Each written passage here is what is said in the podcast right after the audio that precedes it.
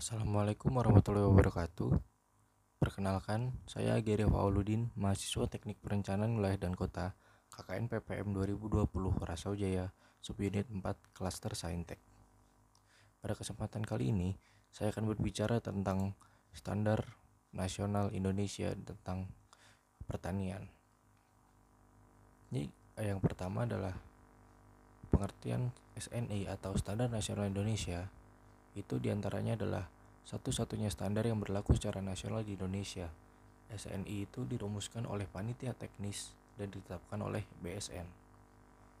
Selanjutnya, SNI adalah dokumen berisi ketentuan teknis yang merupakan konsolidasi iptek dan pengalaman, aturan, pedoman, atau karakteristik dari suatu kegiatan atau hasilnya yang dirumuskan secara konsensus atau menjamin agar suatu standar merupakan kesepakatan pihak yang berkepentingan dan ditetapkan e, berlaku di seluruh wilayah nasional oleh BSN untuk dipergunakan oleh pemangku kepentingan dengan tujuan mencapai keteraturan yang optimum ditinjau dari konteks keperluan tertentu.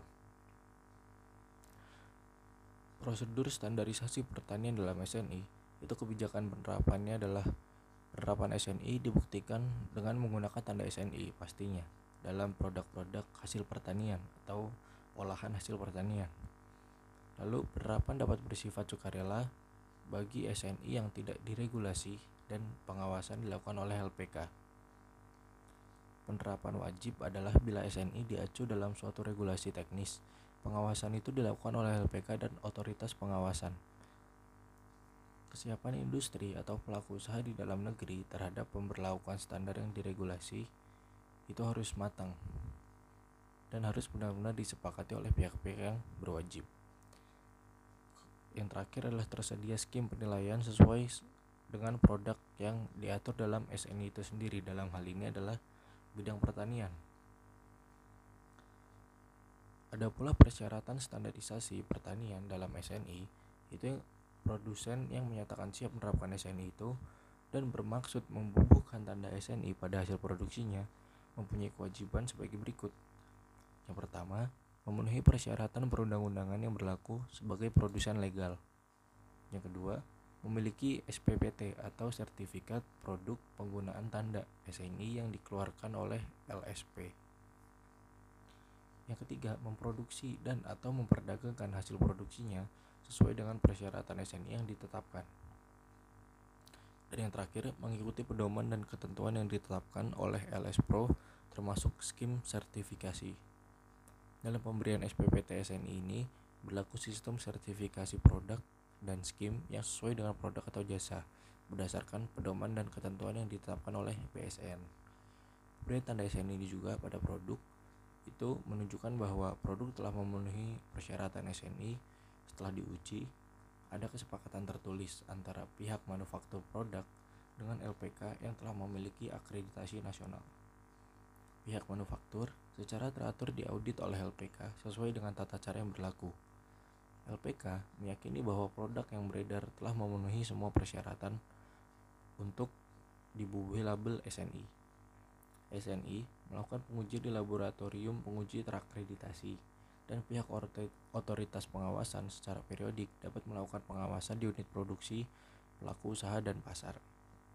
Yang terakhir, pihak otoritas itu atau pembinaan atau pengawasan itu dapat dilakukan eh, pembinaan yang diperlukan atau memperlakukan sanksi apabila pelaku usaha tidak memenuhi standar terkait kegunaan standar SNI sendiri itu apa sih?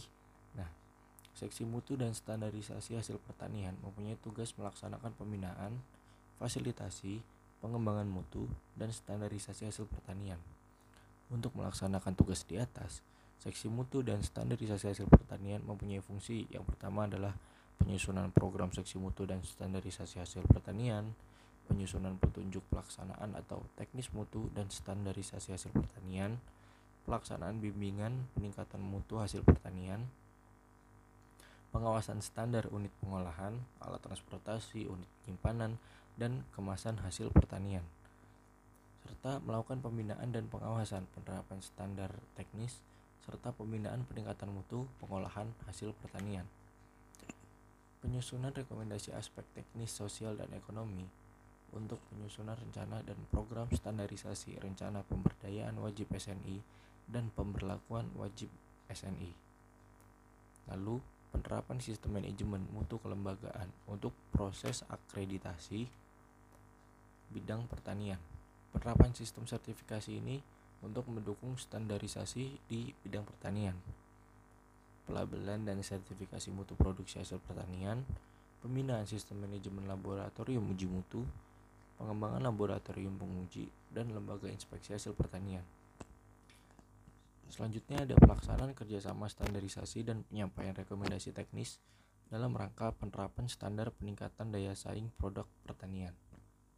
Lalu ada penyebaran dokumentasi dan pemasyarakatan standar mutu hasil pertanian. Ini untuk publikasi terhadap masyarakat luas kalau produk ini sudah memenuhi standar nasional Indonesia.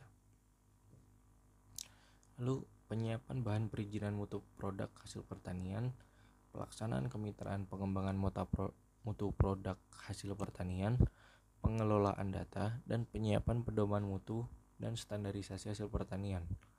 Pelaksanaan evaluasi dan penyusunan laporan ini dilakukan oleh program merupakan program seksi mutu dan standarisasi hasil pertanian. Berikut adalah macam-macam standar nasional yang ada di bidang pertanian. Berikut uh, beberapa nomornya. Yang pertama itu kategori benih ada benih jagung bersari bebas kelas benih penjenis BS SNI nomor 01 6232.1 tahun 2003 benih jagung bersari bebas kelas benih dasar atau BD itu SNI 01 strip 6232.2 tahun 2003 yang kedua adalah produk segar. Beras itu SNI 01 strip 6128 strip tahun 2008 Jagung SNI 01 3920 1995 Yang ketiga ada produk olahan Biskuit Mutu dan cara ujinya itu terdapat pada SNI 01 2973 1992 dan kategori alat dan mesin itu alat semprot cairan mutu dan cara uji cairannya itu terdapat pada SNI 02 0050 1994. Bajak piringan traktor pertanian, kelengkapan baku dan cara ujinya itu terdapat pada SNI 02 1212 1989. Kategori pupuk dan pestisida itu pestisida berbentuk butiran atau granul. Cara uji fisiko-kimianya terdapat dalam SNI 02 3125 1992.